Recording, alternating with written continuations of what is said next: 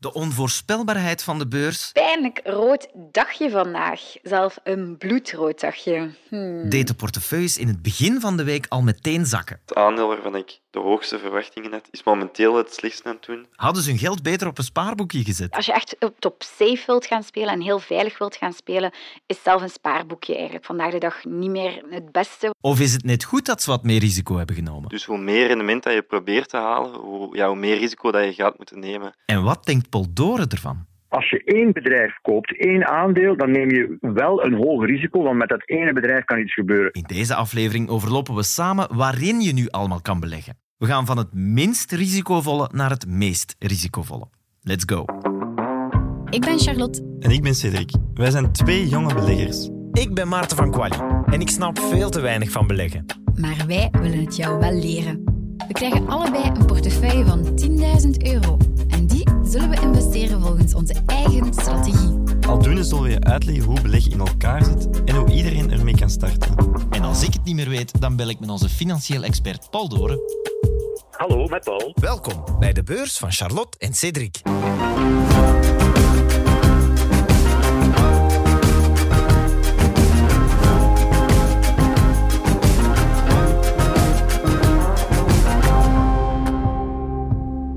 Vorige week was het zover. Charlotte en Cédric kregen 10.000 euro en ze belegden die volgens hun eigen strategie. Ze kozen allebei voor een gespreide portefeuille. Het grote verschil is vooral dat Charlotte meer cryptomunten kocht dan Cédric en dus eigenlijk meer risico nam. Ik ben benieuwd hoe hun eerste week verlopen is.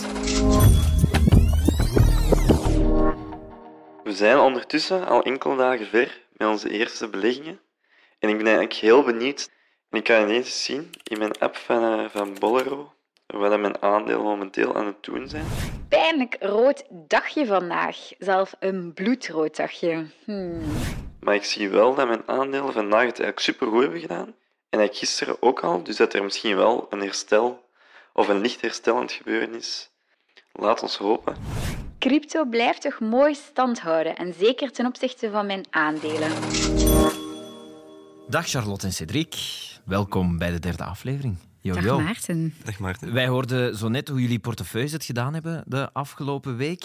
Ehm, ja, ik weet niet wat ik ervan moet denken. Ik denk dat het goed is, hè?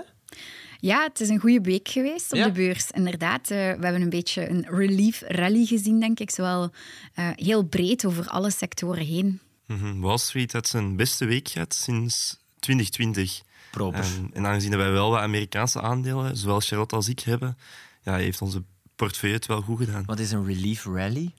Een opluchtingsrally. Ik denk, Ja. eh, aandelen zijn de laatste tijd het, z- allee, zwaar afgestraft geweest. Er is veel paniek, angst geweest op de beurs.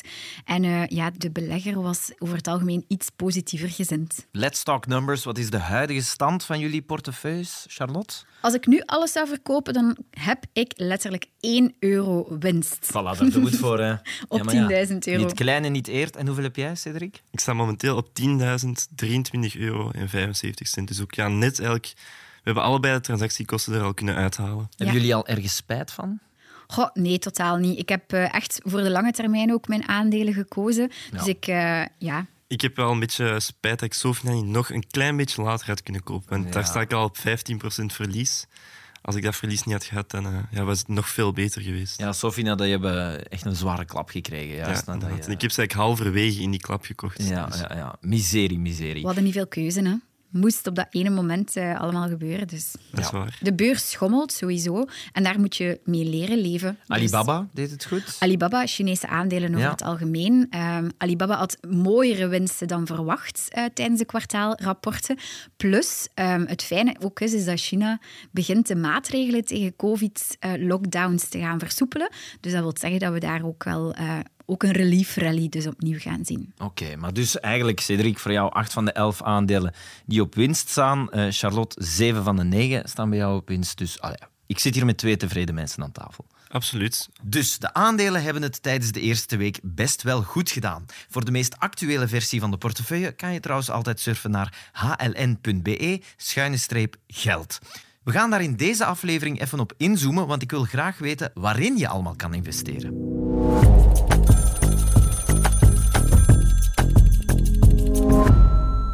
Ook afgelopen week konden jullie een vraag insturen voor Charlotte en Cédric. En die kwam deze keer van de 26-jarige Joppe de Witte uit Turnhout. Hey Charlotte en Cédric. Ik was afgelopen weekend mijn zolder aan het opruimen en ik heb daar nog een oude collectie Pokémon-kaarten gevonden.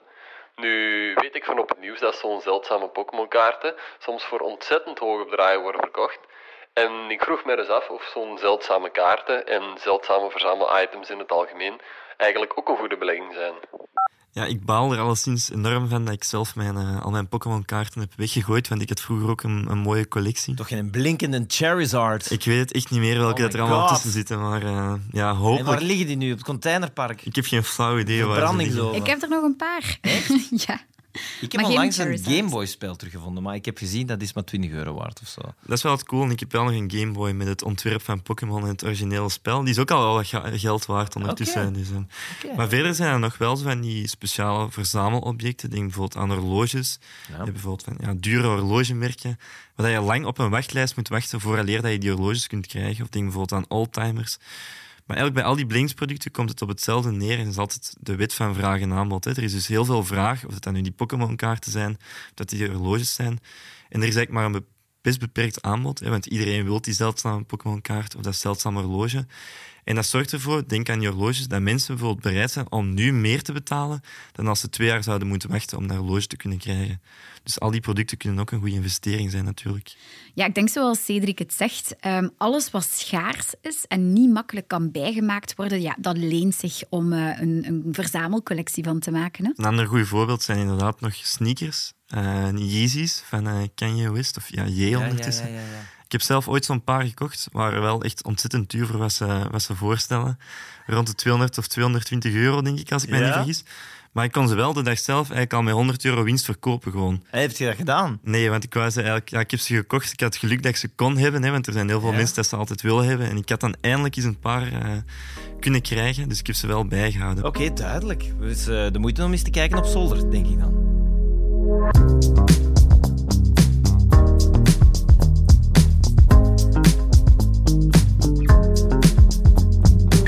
Vandaag gaan jullie mij vertellen waarin ik allemaal kan beleggen. Ik niet alleen, iedereen die dit hoort natuurlijk. De beleggingsproducten. Met welke belegging neem je nu echt geen risico? Ja, eigenlijk is een spaarboekje ja, geen risico, omdat je geld daar in principe wel gewoon veilig op staat. Maar ik heb altijd gehoord, wie niet durft verliezen, die kan ook niet winnen. Ja, de belangrijkste les met beleggen is eigenlijk altijd van risico en rendement gaan altijd hand in hand. Ja. Dus hoe meer rendement dat je probeert te halen, hoe, ja, hoe meer risico dat je gaat moeten nemen. En daarom, ja, een, een spaarboekje neem je weinig risico, eh, maar ga je dus ook weinig rendement halen. En dat gaat eigenlijk altijd zo zijn op de beurs. Ja. Ja, bij spaarboeken is het zo nu algemeen dat eh, je een depositogarantie krijgt van een bank. Dus dat wil zeggen, stel dat jouw bank failliet gaat, is jouw geld onder de 100.000 euro vaak wel beschermd. Ja. Dus ja. Maar dus een spaarboekje kan je ook niet echt iets verliezen. Ja, naar mijn gevoel, als je echt op, op safe wilt gaan spelen, is zelf een spaarboekje eigenlijk vandaag de dag niet meer het beste. Want ja, veel mensen beseffen het niet, je voelt het ook niet, je gaat de euro's niet zien dalen, maar de koopkracht daalt wel door de hoge inflaties die we vandaag de dag kennen. Dus als je vandaag gewoon jouw geld op jouw spaarrekening parkeert, dan neem je, naar mijn visie, ook wel een risico. En misschien is dat zelf het grootste risico vandaag de dag om niets te doen, want je wordt al slapend armer. In principe verdien je wel iets aan een spaarrekening. Normaal gezien zou je een rente moeten krijgen. Natuurlijk, nu momenteel hebben we minimumrentes, 0,11 procent. Mogelijk dat ze naar het einde van het jaar terug een beetje zouden kunnen stijgen. Ja. Maar uiteindelijk, een spaarboekje biedt volgens mij nog wel wat voordelen, gewoon op de korte termijn. Stel dat je bijvoorbeeld van plan bent om een huis te gaan kopen, ja, is het wel leuk dat niet al je geld in aandelen zit. Want stel je voor dat aan de beurs net zo slecht doen als nu Ja. en je met verlies moet verkopen, ja, dat is best pijnlijk natuurlijk. Dus op korte termijn blijft een spaarboekje wel interessant. Ja, het is toch aangeraden, of dat wordt toch in het algemeen aangeraden, om een drie à zestal maandlonen toch langs de kant te kunnen zetten op een spaarrekening voor die onvoorzienige omstandigheden. Ja, onvoorziene hebben ook zoveel stress, hè, inderdaad. Als de, als de frigo kapot gaat of je wasmachine. Voilà, exact. En, en- en dan zakt u Alibaba min 11 procent. Allee, je wilt het niet meemaken, dat is waar, Charlotte. Volledig Voilà. akkoord. Goed, de echte beleggingen dan. Laten we beginnen met vastgoed, want dat is toch eigenlijk ook een belegging. Een huis kopen. We zijn Vlamingen, we hebben allemaal een baksteen in de maag. Het is een zeer klassieke investering. De waarde stijgt ook over het algemeen van een huis.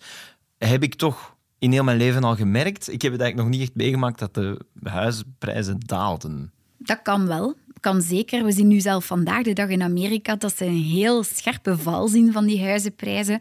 Dus we kunnen wel mogelijk zeggen dat er een beetje een bubbel is gecreëerd, dat de prijzen gigantisch snel zijn gegroeid door corona. Maar waarom kan vastgoed interessant zijn? Je kan voor vastgoed gaan lenen. Wat wil zeggen dat je dus eigenlijk aan lage rentes vandaag nog extra geld kan krijgen, dat je eigenlijk ook vrij goedkoop kan afbetalen. Dus je kan eigenlijk jouw werkkapitaal, het kapitaal dat je hebt om te gaan investeren, gewoon ja, misschien zelf gaan vertiendubbelen, bij wijze van spreken. Hm. Een huis, dus een goed idee, hè, Cedric?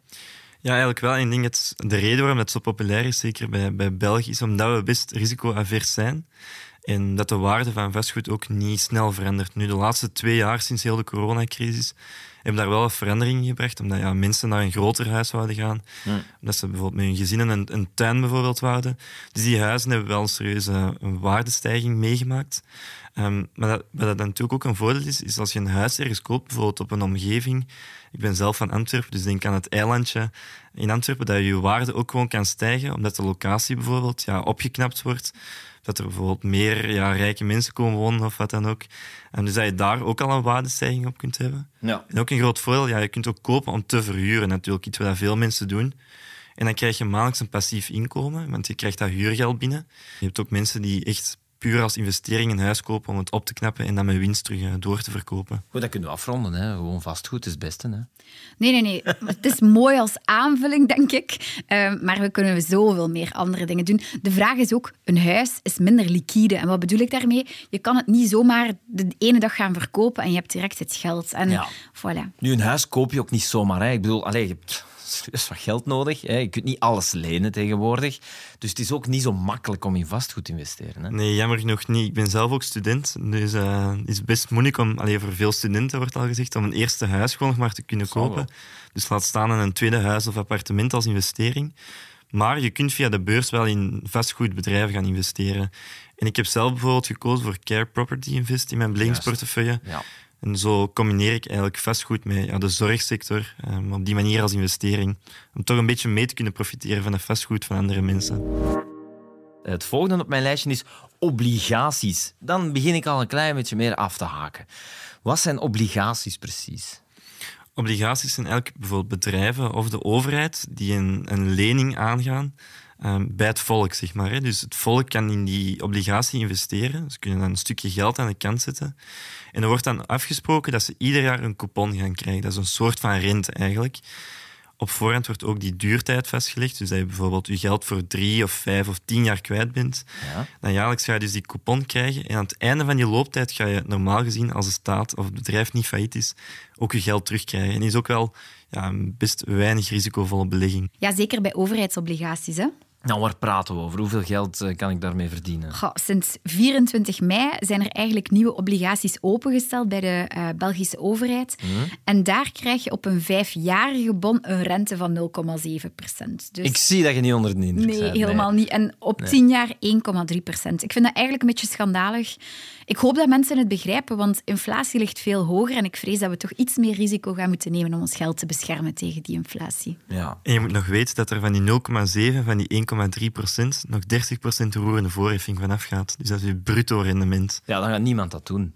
Ja, er zijn mensen, mensen die met een heel laag risicoprofiel, is dat nog altijd een betere investering, denk ik, dan gewoon te sparen, want het levert nog altijd een beetje op. Ah ja, oké. Maar voor mij, zoals dat crypto eigenlijk een beetje te risicovol is, vind ik, waardoor ik er zo'n klein stukje heb gestoken, zijn obligaties voor mij eigenlijk een beetje te weinig risico en ja, ook te weinig rendement. Oké, duidelijk. De obligaties.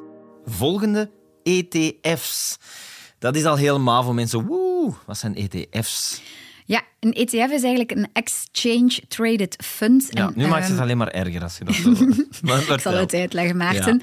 Ehm, eigenlijk is dat een soort van fonds ook, maar een automatisch fonds. Eh, Je gaat dus eigenlijk, net zoals bij een aandeel, gewoon een heleboel aandelen gaan kopen. Dus eigenlijk koop je een mandje met verschillende aandelen in. Ehm, maar de prijs is daar eigenlijk ook wel behapbaar. Het is niet dat je in één keer de prijs van al die, allee, de optelsom van al die aandelen koopt. Dus ehm, ja, voor mij is het eigenlijk wel een heel fijne belegging. Je kunt ze ook zo risicovol maken als je wilt, denk ik. Als je bijvoorbeeld een trekker van de S&P 500 koopt, zoals wij allebei gedaan hebben, de 500, de 500 grootste Amerikaanse aandelen inderdaad, dan heb je al minder risico dan als je bijvoorbeeld een thematische ETF koopt. Hè. Bijvoorbeeld Artificial Intelligence. Ja, dat zijn bedrijven die echt in één sector gevestigd zijn. En dan is het risico natuurlijk groter, want als die sector het slecht doet, ja, dan gaan jouw beleggingen het natuurlijk... Dan gaan die allemaal naar beneden. Ja, veel slechter doen. Ja, ik zweer er echt bij bij ETF's moet je eigenlijk heel weinig research doen. Je moet gewoon een sector kiezen of inderdaad een algemene index zoals S&P 500 kopen. En voor de rest, je kan gewoon maandelijks, wekelijks bijkopen en je moet er voor de rest niet echt veel opvolging voor Maar we zeggen ETF's, maar dat is, het, trackers, dat is hetzelfde woord. Hè? Ja. Dat wil hetzelfde zeggen. Klopt, inderdaad. En inderdaad, ik volg Cedric daar volledig. Het is zo leuk om ook bovenop die ETF's wat aandelen te gaan kiezen, omdat je er zo'n wedstrijd met jezelf van kunt maken. Hè? Van, doe ik het volgend jaar beter? Heb ik hier de juiste keuze gemaakt? Uh, ja, dat geeft meer voldoening. Zeker. Aandelen is eigenlijk het volgende op het lijstje. Hè. Uh, waarom kan een mens meer verdienen met aandelen dan met zo'n ETF? Of klopt dat niet wat ik nu zeg? Jawel, in mijn aandeel ja, word je eigenlijk mede-eigenaar van een bedrijf. En dan kun je een paar aandelen kiezen en als die het dan goed doen, ja, dan kun je natuurlijk beter scoren dan de markt het doet. Maar het risico bestaat natuurlijk ook dat je het minder goed gaat doen. En misschien het grootste nadeel, en wat het grootste nadeel is voor vele beleggers, denk ik, is dat je er echt wel veel tijd in moet steken om goed onderzoek te doen. Omdat je niet zomaar willekeurig een paar goede aandelen kunt kiezen en daarmee de markt kunt verslaan. Nee, hoe hoger het risico, hoe belangrijker ook dat het is om echt inderdaad die research te doen. Hè.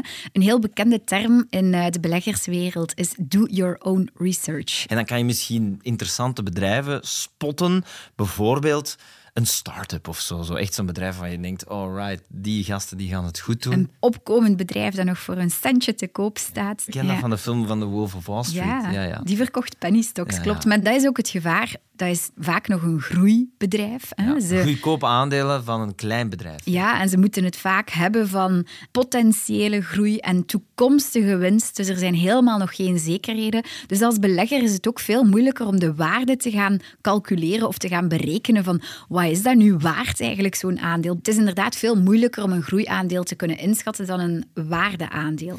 Bij die groeiaandeel is ook het nadeel dat je daar enkel winsten gaat behalen doordat de koers eigenlijk stijgt. Bijvoorbeeld bij een waardeaandeel, die gaan vaak ook dividenden uitkeren, dus stukjes van de winst. En op die manier krijg je eigenlijk twee bronnen van inkomsten. Dus enerzijds kan de koers stijgen, maar je gaat ook jaarlijks al een stukje eigenlijk van die winst verzilverd krijgen hmm. en eigenlijk cash op jouw rekening Dus van zo'n groot bedrijf krijgt de mens dividend, dus eigenlijk elk jaar een beetje geld. Hè? En van zo'n ander aandeel, zo'n groeiaandeel, niet. Vaak gaan groeiaandelen gaan zelf hun winst eigenlijk herinvesteren, omdat zij denken dat ze daar meer in de mens mee gaan kunnen behalen. dus die zeggen eigenlijk, guys, wacht nog even, we gaan de winst nog niet delen, we hebben het zelf nog even nodig. Exact. Ja, Cedric vindt dat een voordeel, dividendaandelen. Ik ben zelf ook uiteraard, ik vind het een leuke aanvulling op mijn portefeuille. Maar ik ga heel eerlijk zijn dat ik vooral ook graag in groeiaandelen beleg, omdat dividenden belast zijn in België. Uh, terwijl meerwaardebelasting op gewoon de aandeelprijs is er niet. Dus ik heb zoiets van, oké, dan ga ik maar op zoek naar ja, bedrijven die het kunnen herinvesteren, waardoor ik minder belasting betaal. Maar natuurlijk, je hebt daar twee kampen. Hè. Je hebt dividendbeleggers en je hebt groeibeleggers. Ik denk dat ik eerder een beetje meer naar die groeikant neig. Het lijkt me wel intens om zo ja, die te spotten en die dan te volgen en mhm. te zien of het wel goed komt. Ja, voor mij is dat een hobby geworden. Wordt al moe als ik eraan denk. Ja, dat is wel moeilijker natuurlijk. Daarom met een dividendaandeel ben je wel zekerder dat je jaarlijks al een stukje van je inkomsten gewoon ja, uit dat dividend gaat krijgen. Ja. En ik heb ook al het gelezen uit onderzoek dat blijkt dat de dividendaandelen wel beter presteren dan de groeiaandelen. Omdat je ja, die twee bronnen van inkomsten hebt.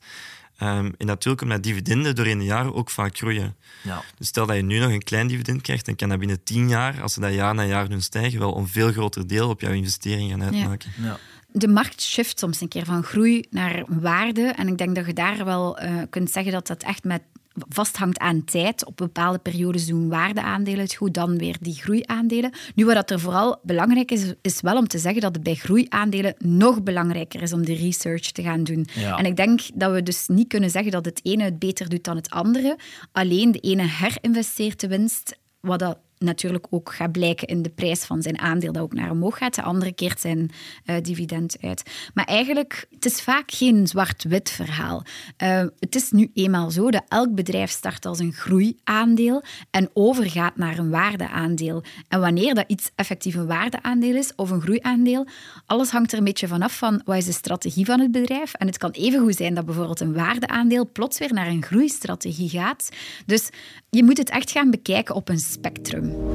Laten we dan gaan naar crypto. De meest risicovolle belegging. Poldoorn heeft mij al in, in, uh, allez, in de voorgaande afleveringen gezegd... Ja, je investeert eigenlijk in niks. Hè. Het is gewoon hopen dat iemand anders meer gaat willen uitgeven aan niks ja. dan jij nu. Nu, Crypto is eigenlijk een heel overkoepelende term van heel veel projecten, heel veel innovatie, heel veel technologie, mhm. die gebruik maken van de blockchain. Ik ga u wel in alle eerlijkheid zeggen, het is een beetje een wilde westen met heel veel projecten en ik denk dat je de juiste en de goede projecten op enkele handen kan gaan tellen. Dus research, hoe risicovoller een belegging, hoe meer research dat je moet gaan doen. En ik denk in crypto dat het ook heel belangrijk is om het toch wel tenminste te begrijpen wat je koopt. En dat heel veel mensen gewoon maar losweg wat namen en munten verzamelen. maar dat is niet de bedoeling. Hè? Laten we niet in dat moeras duiken, inderdaad, van die 100.000 altcoins. Uh, laten we misschien even kijken naar de bitcoin. Hè. Iedereen kent de bitcoin. Waarom is de bitcoin nu een heel goed idee om in te investeren? Eerst en vooral probeert Bitcoin het digitale goud te zijn. Zoals um, ja, eigenlijk een waardebehouder, zeg maar. Bij mij blijft de grootste moeilijkheid met heel dat crypto-verhaal. En Charlotte en ik hebben er al heel veel discussies over gehad. Van wat is nu die waarde? En ja, dat is een vraag die altijd blijft terugkomen en waar, waar bij mij ook nog altijd geen goed antwoord op gegeven is. Daarmee dat ik er zelf ook maar een klein stukje in steek, omdat ik zoiets heb van als het dan goed gaat, uh, dan heb ik er een, mooie winst op. Maar als het verkeerd gaat, dan verlies ik er ook niet veel aan. Is een bitcoin nu 10 euro waard? Is het 100.000 euro waard? 1 miljoen? Ik ben fan van de technologie, maar hoe, ja, hoe waardeer je een bitcoin blijft voor mij een eeuwig vraagstuk. Goud is tenslotte het laatste in de lijst die ik hier heb. Um, ja, klinkt eigenlijk toch ook vrij risicovol, Cedric. Het is moeilijk om die zo in het rijtje te plaatsen. Um, om te zeggen van of dat nu heel risicovol is of niet. Omdat hij elke aparte eigenschap heeft, goud. En dat is eigenlijk een negatieve beta. En dat is misschien een heel moeilijke term. Dat is een heel moeilijke term. Maar heel simpel gezegd wil dat zeggen, zodra de aandelenmarkten stijgen, dat goud daalt in waarde en omgekeerd. Ah, ja, Periodes dat de aandelenmarkten dalen, dan stijgt goud in waarde. Omdat je dan vaak beleggers hebt die hun aandelen gaan verkopen en dan eigenlijk in goud gaan vluchten. Want dat wordt als een veilige haven gezien. Omdat goud in crisissen wel zijn waarde weet te behouden in tegenstelling tot die aandelen. Ja. En daarom is het eigenlijk een soort van verzekering voor een beleggingsportefeuille. En ook de reden waarom ik het zelf heb genomen, uit ja, schrik wat er de komende maanden allemaal nog gaat gebeuren, dat mijn goud toch een klein stukje bescherming biedt. En ik denk dat dat dus ook zo gaat zijn bij Bitcoin. Hè? Dat uh, Bitcoin een beetje digitale goud zal gaan worden en dat het ook het omgekeerde zal gaan doen van de beurzen. Maar zover zijn we nog niet. Het verschil is natuurlijk wel, goud heeft het door in de geschiedenis al vaak bewezen dat het die rol heeft en crypto nog niet. Dus daarom dat ik toch eerder meer vertrouwen heb in goud. Ja, voor alle nieuwe dingen moeten we een beetje tijd geven. Hè? Dus iedereen die 50, 500 of 500.000 euro op overschot heeft, het maakt eigenlijk al niet uit. Er zijn voldoende plekken waar je dat geld in kan steken. Merci om ze allemaal yes. te lopen. Graag gedaan.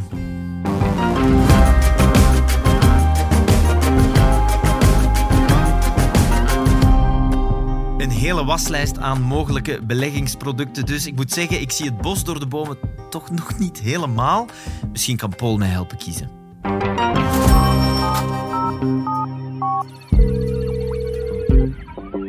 Hallo, met Paul. Dag Paul, stoor ik u? Nee hoor, jij stoort mij nooit, Maarten. Ah, fantastisch. Zeg, uh, Paul, ik heb net weer een uh, gesprek gehad met Charlotte en Cédric. En we hadden het over waarin je allemaal kan beleggen. Heel boeiend. Maar het is wel moeilijk om het overzicht een beetje te bewaren. Dus ik dacht, ik bel de expert. Ik heb begrepen dat er één duidelijke regel is. Hoe meer risico je neemt, hoe meer je kan verdienen. Maar ik wil zelf ook niet een te groot risico nemen, maar ik wil wel goed verdienen. Dus het is een beetje moeilijk. Wat moet ik dan precies doen? Ja, dat is niet, niet verkeerd wat je zegt, maar ik, uh, ik vind het ook niet helemaal correct geformuleerd. Um, want het, het wekt de indruk dat je risico moet nemen om rendement te kunnen halen. En dat is ook helemaal niet zo. Ik vind een aandelenbelegger. Die moet helemaal niet het risico opzoeken. Die moet het risico vermijden en toch een hoger rendement halen. En dat kan zeer zeker. Dat is heel, heel goed mogelijk. Dus ja, er is een verband tussen risico en rendement. En je zult met een spaarboekje geen hoog rendement halen en ook geen enkel risico nemen. Maar het omgekeerde is niet waar. Het is niet zo dat je moet risico gaan nemen, grote risico's gaan nemen, om een rendement te kunnen halen. Dan ben je eigenlijk eh, meer een, eh, een avonturier, vind ik. Oké, maar wat moet ik dan doen? Want het klinkt heel aanlokkelijk wat je nu zegt. Ja, voor mij zijn er eigenlijk maar drie soorten beleggingen. Uh, heel eenvoudig. je hebt aandelen, je hebt obligaties en je hebt cash. En aandelen, dan stop je je geld in een onderneming. Obligaties, dan, dan leen je je geld uit en krijg je het later terug. En cash, dat is eigenlijk het spaarboekje. En daar zet je geld op waar je niet onmiddellijk een bestemming voor hebt. Dat brengt niets op, dat weten we. Dat brengt vandaag 0,01 op. En zelfs in jaren waarin je 2% krijgt, dan nog ben je aan het verliezen. Want de inflatie is over het algemeen hoger dan 2%. Dus ben je eigenlijk niet aan het beleggen. Het is een soort reserve, het spaarboekje. Obligaties brengen ook nooit heel erg veel op, dus je komt automatisch bij aandelen uit. En ja, we moeten dat zeggen dat daar een risico is, want als je bedrijf failliet gaat, dan ben je je geld helemaal kwijt. Dat is een risico. Maar dat moet je dat ook vermijden door, en, en, en, en dan kom ik zo kort mogelijk bij, bij jouw vraag, door die zaken te kopen waarmee je dat bij manier van spreken al uitsluit. En een andere manier om vrijwel risicoloos in aandelen te beleggen zijn indexfondsen. Dat zijn eigenlijk fondsen die gewoon de Bel 20, de Standard Poor's 500, dus een, een, een index volgen, waarmee je meteen belegd bent in de 20 of 30 of 50 of 500 grootste bedrijven, beste bedrijven in een bepaald land of in een bepaalde sector. Dus als je één bedrijf koopt, één aandeel, dan neem je wel een hoog risico, want met dat ene bedrijf kan iets gebeuren. Door een investeringsmaatschappij te kopen of een indexfonds te kopen, een ETF, heb je dat risico niet. Dat heb je zelf al gespreid dan eigenlijk. Ja, ja, ja, ja, ja. dus uh, inderdaad, dan, uh, dan, investeer je meteen in 500 bedrijven. Qua spreiding kan dat tellen natuurlijk. Maar dus, um, ik beleg een beetje in uh, ja, aandelen, dan die ETF's. Misschien ook een beetje in vastgoed, Paul? Ja, dat, dat kan natuurlijk ook. Uh, vastgoed is uiteraard een belegging, maar geen financiële belegging. Het is een, een, een, een belegging in bakstenen. En daar moet ik zeggen, ja, de meeste mensen hebben wel niet de keuze. Hè. Als je, uh, als je uh, in een huis, als je een huis wil kopen, dan heb je over het algemeen jarenlang geen geld over om aandelen te kopen. Uh, Dus um, dat, dat moeten we toch wel zeggen dat het niet zo eenvoudig is. En, en zeker niet voor een jonge belegger om te zeggen: ik ga nu en een huis kopen en een aandelenportefeuille opbouwen. Dat is niet zo eenvoudig.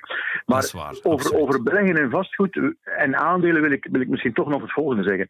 Um, Iemand die in vastgoed belegt, dus die een baksteen in de maag heeft, die is er rotsvast van overtuigd dat hij veruit de beste belegging heeft. Hij wijst dan naar de evolutie van de prijs over een lange termijn. Kijk eens, elk jaar stijgt dat, veruit de beste belegging. En kijk eens naar de beurs, dat schommelt voortdurend, dat is veel, veel slechter of veel moeilijker. Wel, dat is niet waar. Hè? Dus uh, als je de gegevens naast elkaar legt, dan zal je zien, als je een willekeurige periode neemt, eigenlijk aandelen beter presteren dan vastgoed. Ik wou ook nog in crypto uh, investeren misschien, maar dat durf ik niet zeggen tegen u, want dan ga je misschien boos worden. Dus uh, dat ga ik niet doen je mag uh, doen en je moet doen wat je niet kan laten. Uh, maar je, ja, je neem aan dat je dan niet gaat bellen om uit te huilen als het verkeerd afloopt. nee, nee, ik ga je niet bellen om uit te huilen. Zeg, ik hoorde hier nog, uh, dat is mijn slotvraag eigenlijk, in deze aflevering, Charlotte zeggen dat een spaarboek toch ook een zeker risico inhoudt, omdat je dan slapend arm wordt. Dat heb ik jou niet horen zeggen. Wat vind jij daarvan? Nee, een spaarboekje is voor mij een, uh, ja, een bewaarplaats, zal ik maar zeggen. Een tijdelijke opslagplaats. Dus het brengt niks op. Maar op sommige momenten, als de beursomstandigheden niet goed zijn, dan heb je natuurlijk wel beter geld op een spaarboekje dat niets opbrengt, maar ook niet daalt, dan dat je in aandelen zit die 20 of 30 procent aan het dalen zijn. Dus uh, ja, ja, ja. het is niet meer of niet minder. Het is, ja, het is, een, het is een bewaarplaats. Het is, uh, ik heb het vroeger ook wel eens een verliesboekje genoemd, omdat je koopkracht verliest. Maar dat is niet, niet fair tegenover het spaarboekje. Dus ik zou het meer een bewaarplaats noemen voor cash. Oké, duidelijk. Bedankt Paul dat ik jou mocht bellen en tot volgende week. Tot volgende week. Dit was de derde aflevering van de beurs van Charlotte en Cédric. volgende keer hebben we het over hoe de prijs van een aandeel tot stand komt. Dan weet ik eindelijk waardoor die schommelingen op de beurs nu komen. Als je daar nu al een vraag over hebt, kan je die stellen op hln.be-geld. Daar kun je ook de volledige portefeuilles terugvinden in de blog van Charlotte en Cedric. Bedankt voor het luisteren en tot volgende week.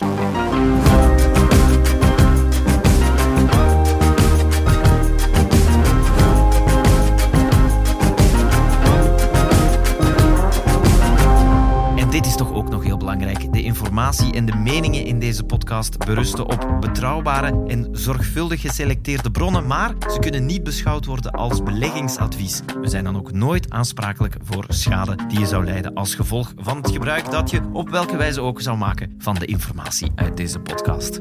Deze podcast werd gemaakt door het laatste nieuws in samenwerking met House of Media.